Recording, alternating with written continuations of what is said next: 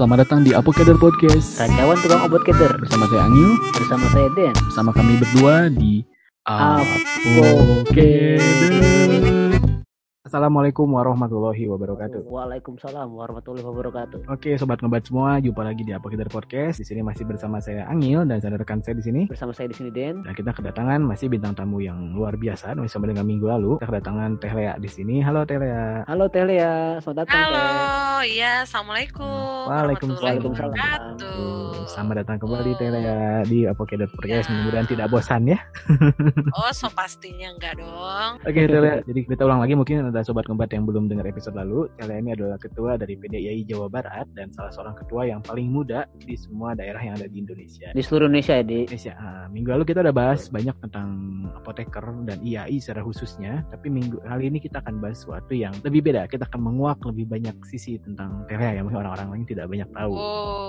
Oh, secara pribadi ya, pribadi ya. Oh. Setelah kemarin organisasinya, sekarang pribadinya. Jadi Iya. kita kasih judulnya Seru. unboxing. Unboxing. Oke, Tera mungkin boleh pengen tahu nih, kan kalau tadi kan kemarin kita cerita selain praktek ya mungkin di organisasi, tapi kalau di luar itu hobinya ngapain sih teh? Hmm, hobinya nyanyi, Wih, eh, terus Hmm. MC juga jadi hobi. MC hobi. Waduh, waduh, waduh. Iya, hobi banget kalau itu. Terus ya hobi yang lainnya. Kuliner teh. Oh, kalau kuliner jelas berhubungan dengan bobot tubuh ya soalnya semakin kita capek itu nggak kalau kurang nutrisi aduh rasanya jadi lemot ya otaknya teh. Eh, berasa nggak bisa mikir. Ya seneng apalagi ya paling bikin-bikin coretan-coretan. Harus ngapain ya gitu. Ide apalagi yang baru ya yang baru ya. Dengar-dengar suka ini juga deh, suka motoran juga nih. mau motoran Touring, teh, touring. dulu itu pengalaman zaman langsing zaman Dulu kan Masih. sempat diajakin touring. Anda semakin sering nyebut nama saya. Alhamdulillah ya karena eh, adik saya dulu kan senang motor jadi saya selalu ke mana-mana sama adik memang karena hanya cuma berdua ya di masa muda menjalankan touring itu nuansa-nuansa yang cowok banget lah karena saya jarang jarang suka ke mall oh iya deh. iya Keren lebih banget, keren banget. lebih sering touring daripada ke mall tadi dulu. Adventurer banget berarti ya. ya lebih sering eh, lebih sering apa suka ke otomotif gitu kan atau Hmm. apa dibanding dandan atau ke mall belanja belanja shopping itu kurang kurang bisa milih hal-hal yang seperti itu Mantap, pilih busi daripada bedak ya. Tapi itu emang emang kayak tipikal-tipikal pimpin-pimpin hebat gitu deh. Kayaknya kan mereka emang jarang mau untuk habisin uangnya untuk belanja secara konsumtif gitu kan. Misalnya emang lebih pengen kayak cari pengalaman di luar apa dengan touring atau jalan-jalan hiking, jalan-jalan ke mana gitu kan. sebenarnya bukan kagak ini ya karena dulu nggak ada budget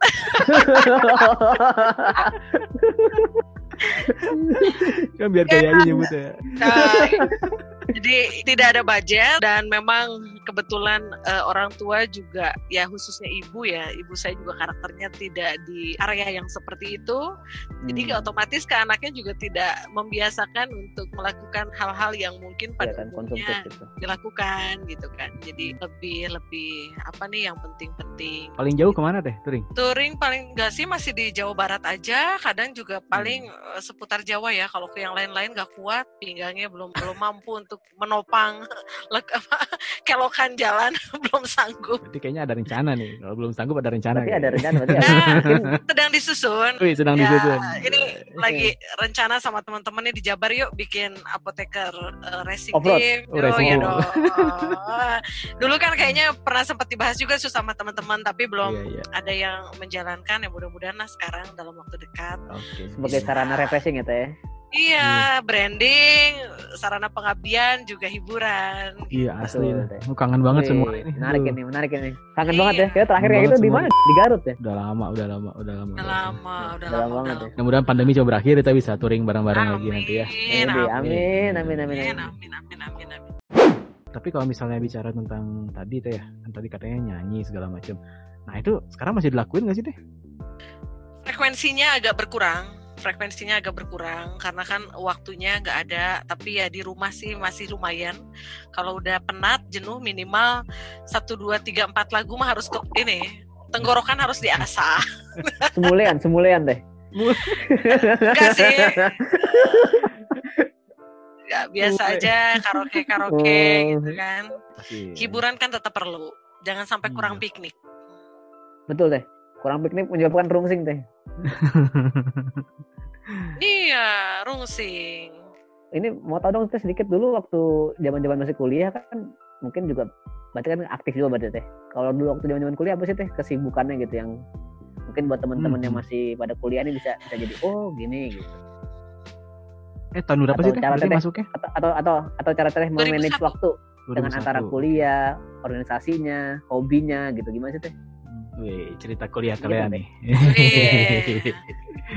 Sebetulnya eh, diri aku itu dominan eh, terbentuk oleh aturan orang tua. Sebetulnya ya. Ini buat Hmm. kita sharing supaya memotivasi teman-teman bahwa ya jangan pesimis dulu atas apa yang orang tua lakukan sama kita ya. Orang tua saya tuh betul-betul membentuk membentuk dan mengatur saya tuh betul-betul luar biasa. Artinya mungkin lebih banyak saya nggak boleh A, nggak boleh B, nggak boleh C, nggak boleh D gitu kan. Harus A B C D E gitu kan.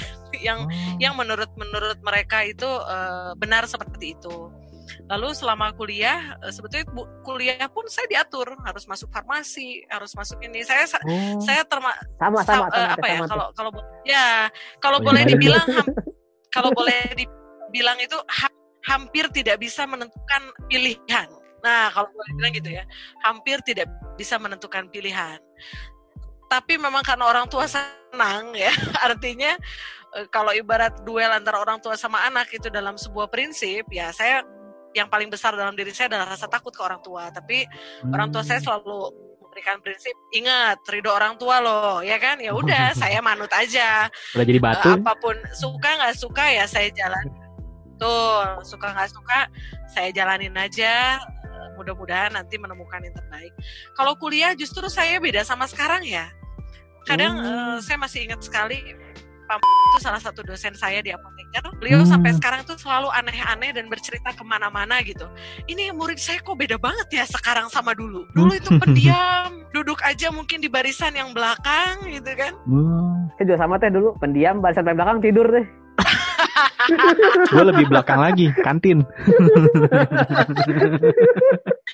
Aduh, ya saya juga eh, berteman nggak terlalu dengan yang banyak ya kadang misalnya karena eh, saya nggak punya budget untuk area-area shopping tadi jadi saya lebih lebih mencari teman yang bisa betul-betul ya kalau bukan minder ya tapi daripada saya nanti sirik atau apa pun lah saya mencari yang yang seirama lah sama saya dengan Hmm. dengan kemampuan saya hanya saya memang pernah dapat pengalaman waktu itu jadi ketua ospek ya Uh. satu kali pengalaman itu sebetulnya saya nggak itu baru pertama kali saya jadi ketua dan saya belajar malah dari teman-teman sekelas yang yang sebetulnya mereka sudah biasa menjalankan organisasi di mahasiswa ya di himpunan dan lain sebagainya. Nah saat itu saya jadi ketua dikasih kesempatan ya sudah saya ber- bereksperimen lah di sana gitu kan bereksperimen.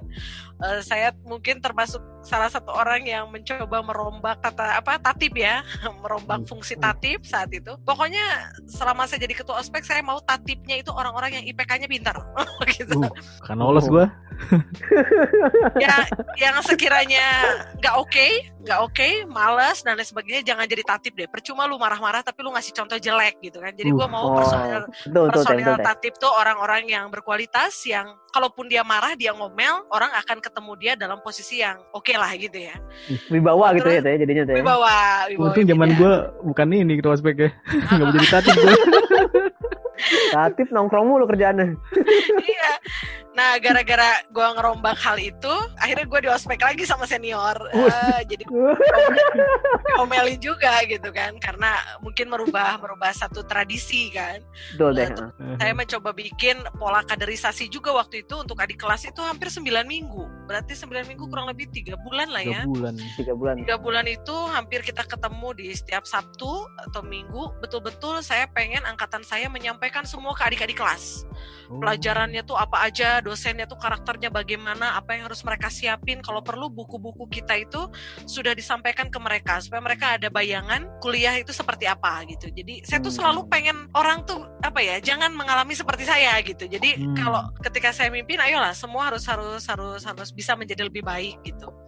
Nah, akhirnya 9 minggu kaderisasi biasa kita mabim ya tetaplah jadi satu fenomenal ketua ospek yang di ospek sama senior gara-gara merubah Oh. tradisi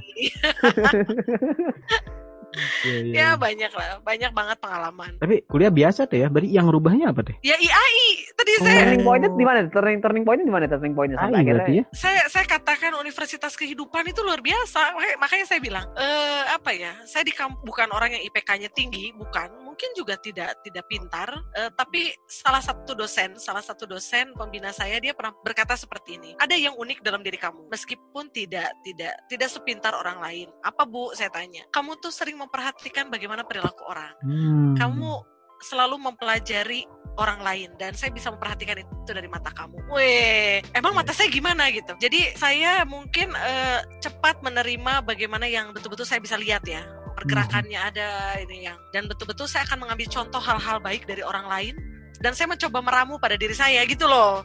Iya, Jadi iya. Oh, iya, iya. Ah, itu yang orang lain lihat ke saya seperti itu gitu. Dan saya nggak pintar, cuman banyak kemauan aja gitu ya. Mau ngerjain ini itu, kalau kelompok apa pun ya nggak pilih-pilih ya pasrah aja lah gitu. Hmm. Tapi saya suka belajar dosen ini seperti apa ya. Oh gini gini gini. Oh dia pintarnya di sini ya. Kok gaya bicara dia bagus ya. Kadang saya belajar di rumah gitu kan. Oh kayak gini kayak gini. Nah udah saya ramu tuh yang baik-baik. Perlahan saya ramu. Dan yang paling penting kok bisa sih jadi seperti ini? Saya bersama dengan para pemimpin yang di IAI khususnya ya, yang memberi kesempatan saya untuk manggung. Hmm. Itu ya ujung-ujungnya saya jadi balik lagi ke IAI ya. Tapi betul-betul apoteker saat itu eh, saya itu cuman membawakan tas beliau ke mana-mana beliau mau siaran saat itu. Saya selalu dijemput. "Eh, saya mau siaran di Kelat FM. Tolong Lea temenin saya. Saya bawakan tas beliau. Saya perhatikan ketika beliau mengisi acara kan gitu ya. Saya mau rapat acara Farma kita apotek. Kamu tolong belajar dengarkan. Jadi saya tuh dikasih pemimpin yang mau mengajarkan saya secara khusus mungkin karena mereka melihat saya nggak banyak nuntut, nggak banyak menolak, sehingga saya diberikan banyak ilmu. Jadi saya dia diajarin banyak hal, saya dengerin. Tolong kamu belajar tuh, kalau jadi manajer tuh harus seperti ini. Oke, saya belajar, saya pelajari. Pindah ke pap pun seperti itu. Sesekali saya tiba-tiba dijadikan ketua panitia, diberikan Hmm. kepercayaan yang sangat besar, ya kan? Padahal saya juga merasa belum punya kemampuan, tapi alhamdulillah gitu. Saya tuh selalu dipertemukan dengan orang-orang yang nggak nggak nggak pelit ilmu ya bahkan meminta kita untuk belajar. Dan ada inspirasi yang pernah saya dapat juga dari Pak Winata. Mungkin pernah tahu nggak Pak Winata yang Mhm. direktur Bratakem ya, yang punya Bratakem. Kebetulan beliau saat itu membuat acara minta tolong ke IAI untuk membagikan pengalaman hidupnya sehingga eh, dia ketika menyelesaikan dan menyerahkan banyak usaha kepada anak-anaknya, dia mau tinggal di luar negeri. Nah, seperti biasa, saya meladeni beliau beliau butuh apa, saya ladeni, beliau butuh apa, bahkan ketika beliau mencoba presentasi pun saya dengarkan gitu. Hmm. Lalu beliau berbisik, Lea Lea katanya, you nggak boleh lama-lama kerja di orang. Pengalaman menjadi apoteker kerja di orang cukup enam tahun nggak boleh lebih. Tapi you harus berpikir bagaimana cara mensejahterakan orang lain, karena di situ rezeki you akan bertambah. Kalau you terus berpikir menjadi karyawan, hanya seperti itulah rezekimu. Tapi kalau kau berpikir untuk mensejahterakan orang lain, niscaya semua akan kembali kepada pada kamu gitu kan. Itu baru poin satu saya dapat dari dia. Yang kedua, jangan pernah tinggalkan spiritual dan hormatilah keluarga karena itu sumber rezeki kita yang pertama. Kalau anda e, mengutamakan yang lain tanpa mengutamakan keluarga, ya tidak kekal apa yang akan kita miliki. Jadi yang kedua adalah spiritual dan keluarga itu menjadi poin penting bagi beliau dan beliau ajarkan secara secara khusus dialog seperti ini gitu berdua. Oh. Eh, yang ketiga eh, tetap rendah hati, kita tidak boleh merasa puas, tidak boleh sombong atas apa yang sudah kita capai dan kita miliki, Hmm. dan harus terus menempatkan ke bawah lagi, ke bawah lagi dan ke bawah lagi untuk eh, terus mengevaluasi diri kita apa yang kurang, apa yang kurang, sehingga tanpa disadari petunjuk itu akan semakin banyak kita terima. Jadi perjalanan universitas kehidupan itu mempertemukan saya dengan banyak orang. Hmm. Lalu kita berhadapan lagi dengan ketua umum pengurus pusat misalnya apoteker bagaimana cara beliau komunikasi, bagaimana cara beliau uh, bisa merangkai uh, kata-kata, kalimat secara baik, intonasi dan saya juga pelajari oh seperti ini proses dari orang-orang yang perilakunya juga kurang baik pun kita pelajari kan gitu kan. Jadi ini uh, apa ya terkadang terkadang kita merasa merasa merasa puas yakin atas diri kita kan. Tapi kalau kita coba bisa mengambil orang-orang seperti apa ya gitu. Insya Allah lah kita bisa meramu itu gitu menjadi sesuatu yang baru bagi kita. Gitu. Wah, oke. Okay. Kita dapat berarti nih rahasianya ya. Rahasianya Telia racikan ini. ini racikan ini racikan, racikan ini, racikan ini, ternyata matanya tajam cuy. Mata lang cuy. Uh, Mateo. Kolektor dong. Jadi plat nomor. Ya kebetul ya kebetulan kan kebetulan saya dilahirkan dari ibu orang Sunda ayah saya orang hmm. Pakistan uh, uh, jadi adat oh, lagi ya nih.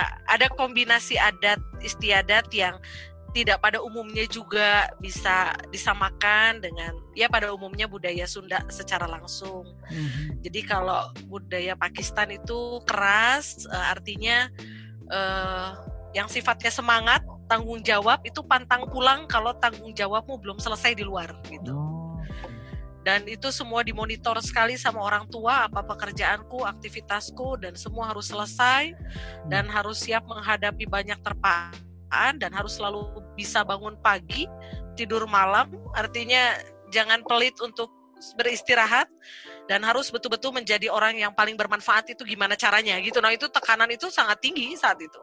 Hmm. Dan uh, yang paling yang paling yang paling besar itu yang doktrin paling besar itu dari ayah saya orang Pakistan itu saya nggak mau tahu gimana caranya uh, ibu dan dan adik-adikmu harus menjadi urusanmu sampai engkau mati. Nah, jadi hmm. Eh, betul-betul kita didoktrin untuk menghormati orang tua yang tidak mungkin bisa kita balas apa pun ya, tapi artinya itu udah kalau mungkin kalau orang budaya kita ini ada beda budaya kita mungkin harta harta orang tua harta anak betul nggak sih betul, ya kan? Tapi kalau saya dari kecil itu doktrinnya berbeda. Harta anak adalah harta orang tua. Saat itu saya bingung dengan dengan kalimat itu ya. Itu apa ya? Kok beda banget sama teman-teman gue gitu kan? Kok kayaknya hmm. teman-teman gue enjoy aja sih? Sedangkan saya dulu punya apa-apa orang tua saya nggak pernah ngasih tuh gitu. Mau punya rumah mewah, mau punya mobil banyak, saya tetap nggak boleh memanfaatkan itu gitu kan. Hmm. Terus ayah saya selalu bilang, jangan kamu pikir harta orang tua itu harta kamu gitu, tapi harta kamu adalah harta orang tua. Ya sempat sempat sedikit minder, tapi tiba-tiba ketika kita sudah beres kuliah dan bekerja, ayah saya menjelaskan semua bahwa harta anak adalah harta orang tua, bahwa di dalam setiap rezekimu ada uh, ada yang harus engkau selesaikan kepada orang tuamu, sayangi oh, mereka iya, iya. karena kesempatan engkau berbuat baik kepada orang tuamu terbatas. Belum tentu akan se selama usia ketika orang tua mengurusmu gitu kan. Dan dan kamu harus pastikan bahwa ketika hartamu engkau berikan kepada orang tua, di situlah engkau akan mengambil hasilnya karena rezekimu akan dikembalikan melalui apa yang kau beri ke orang tua. Wah, itu luar biasa doktrinnya. Wow, wow, wow. Keren sih. Iya, iya, iya, iya.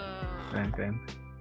Jadi Make sampai sense. sekarang ya kami masih sama orang tua, saya sama adik masih sama orang tua.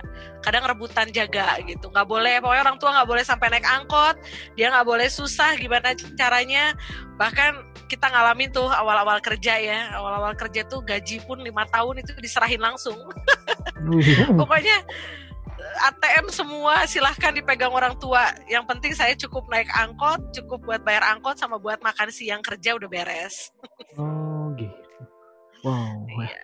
Jadi prinsipnya emang udah dibentuk banget ya teh dari betul, kecil. Betul, betul, betul, betul. Sampai ibaratnya kamu kalau mau beli di luar pendidikan, silahkan kamu targetkan ketika kamu kerja. Sekarang orang tua hmm. hanya mau kasih kamu anggaran yang penting-penting aja gitu loh. Hmm. Yang lain-lain uh, silahkan kamu impikan itu sendiri gitu ya udah. oh, iya, iya, karena budayanya agak keras kan budayanya keras gitu. Terus kita kalau dagang itu tapi ke bawah. Pada saat kita praktik itu jadi bawa pagi-pagi datang kebetulan sekarang kita masuk saya masuk kan jam 7 ya. Udah udah kerja jam 7 pulang jam 5 itu jam 7 itu kita, saya udah terbiasa dari orang tua, dari ayah khususnya, kalau kamu jualan, kamu harus beresin barang. Jadi saya biasa beresin barang, tempat di mana aja, di apotek, debu, semua saya beresin sendiri. Saya atur lagi tempatnya, merchandisingnya saya rapihkan kembali, supaya eh, Hmm. konsumen ketika masuk ngelihat barang-barang kamu tuh fresh, bersih, segar. Kamu harus semangat dan setiap pagi sebelum kamu buka apotek sarana kamu berdoa dan khususnya menghadapi pasien atau konsumen, jangan biarkan mereka pulang tanpa solusi. Ah itu pesan ayah saya. Nah, betul teh. Nah, ya kan? Ibu saya juga bilang begitu teh. Jangan sampai orang pulang keluar dari toko kita itu tanpa bawa apa-apa. Even itu hanya sekedar nasihat ataupun even itu hanya sekedar ya jangan untuk diri dia gitu. Iya. Wow, wow, wow. Ini kita niatnya, aduh luar biasa sekali nih. Padahal kita niatnya bicara sesuatu yang santai, tapi sampai tadi speechless, speechless loh ini. Beberapa menit gue speechless, gak terkesima sama papasan dari Telea ini. Asik. Ya, santai lagi. Hmm. Ini kayaknya kalau WFH udah udah kelar, eh, udah apa, lockdown gini-gini PSBB udah kelar, kita harus ketemu Tere langsung ya. Langsung kita bikin Oke. talk Iya, show, kita kita, bikin ngobrol-ngobrol secara offline. langsung kayaknya. Iya. Tapi banyak banyak hal-hal yang bisa kita gali secara Iya. mendalam gitu kan untuk untuk Iya. diri kita Iya. sendiri gitu maksudnya ya. Oke, menarik banget. Eh, saya yakin sobat ngobat juga di sini. Gue yakin pasti udah banyak banget yang dapat banyak sekali insight dan masukan yang berharga banget ya. Sekali lagi ini episode yang sangat dua episode yang sangat ber- berfaedah, nggak sekali biasanya. Oke, eh, terima kasih Tela. Ini segmen kedua ini luar biasa. Kita udah banyak, banyak sekali insight dan mungkin nggak semua orang bisa mendapatkan insight yang ini. Kita alhamdulillah berkesempatan ya di Apokader ini bisa mendapatkan insight ini dari Tela. Iya. Terima kasih Teh udah mau sharing di Apokader Iya, Podcast. sama-sama. Iya. Terima Sukses kasih. untuk acaranya. Mudah-mudahan nggak bosan Teh ya kalau kita undang-undang lagi. Di Gak, sama sekali nggak bosan. Dan kesempatan kita bisa ngobrol-ngobrol Kayaknya lagi. masih Iya. banyak nih yang disimpan nih kayaknya nih. Yups. Banyak banget pasti. Pokoknya eh, aku mau. Ya, maksudnya saya siap banget ya kalau seandainya teman-teman mau bikin acara di hari khusus yang betul-betul pengen sama-sama belajar, sama-sama memotivasi diri, sharing, betul-betul free loh ini ya. Iya. Wah, Iya. Siap banget deh untuk ngebantu free. Teh terakhir dan eh, harapannya kalimatnya singkat aja teh. Eh, dengan Teh Lia sekarang kan udah jadi kasarnya udah jadi kayak role model untuk kita semua anak muda gitu kan. Dengan posisi Teh Lia yang sekarang, pengalaman Teh Lia gitu. Pesan apa sih Teh yang mau disampaikan untuk generasi kita nih anak-anak muda yang emang kasarannya jadi kaderisasi organisasi itu sendiri Teh. Jangan banyak mengeluh, berpikir positif, tingkatkan komunikasi, jangan sampai sesat, lalu belajar bertarung dan berkompetisi di rumahnya itu sangat penting Eh, dan tetap berbakti kepada orang tua itu penting dan jalani skenario Tuhan sepahit apa pun itu sampai dengan engkau menemukan jalan yang terbaik yang bisa menempatkan sejawat pada posisi yang sebaik-baiknya itu aja. Huh, merinding gua. Mantap, mantap, mantap, mantap, mantap. Ini langsung dari Ketua PD Jawa Barat loh. Jadi ini udah ujangan kayak paling top di sini di ujangan ini. Wah, 14 episode yang sia-sia nih kita semua episode yang luar biasa. Tapi Gitu, jujur loh, Ah. ini ini Gimana? momentum yang momentum yang sebetulnya selama ini aku mimpikan ya. Saya betul-betul berharap ada satu momen bisa berbagi seperti ini. Tapi nggak kepikir jalannya apa, tiba-tiba ya ini saya bilang jalan Tuhan itu selalu yang terbaik kan. Tiba-tiba ada deh. momen seperti ini. dipertemukan ya Teh. Random ya Teh dihubungin Ya. Ah, di sini tiba-tiba saya tiba-tiba dikasih kesempatan untuk berbagi. Mudah-mudahan nih ya kan teman-teman semua nanti yang mendengarkan bisa termotivasi. Gak usah banyak pikiran, gak usah bertarget apa-apa untuk meninggalkan kehidupan kita kelak. Mari jadi orang yang bermanfaat untuk sesama itu aja. Oke. Ih, Gila, gak habis-habis ini dari tadi hari ini kebijakannya tuh. Luar biasa. ini. Gempur terus, Gempur gempur terus. terus. Kita kayaknya dua, dua jam juga akan habis-habis nih kalau nggak terusin sebetulnya. Oke teh, sampai jumpa di episode berikutnya teh ya. Oke, sampai jumpa. Sampai jumpa Teh. Sehat selalu Ya, Teh. sama-sama. Assalamualaikum. Waalaikumsalam warahmatullahi wabarakatuh. Oke sobat ngobat semua, itu tadi kita sudah kedatangan eh, Teh Lea dari PDI Jawa Barat dan ini suatu yang spesial buat kita. Ini sekaligus juga merayakan 200 Spesial play banget. kita ya. 200 Iya, play ya. Di episode kali ini Teh Lea alhamdulillah sudah berbagi pada kita. Jadi stay tune terus di Apokader Podcast. Terima kasih sudah mendengarkan. See you, stay safe, stay healthy, stay at home. Oke. Ciao. Ciao. Apocalypse Podcast available on Anchor and Spotify.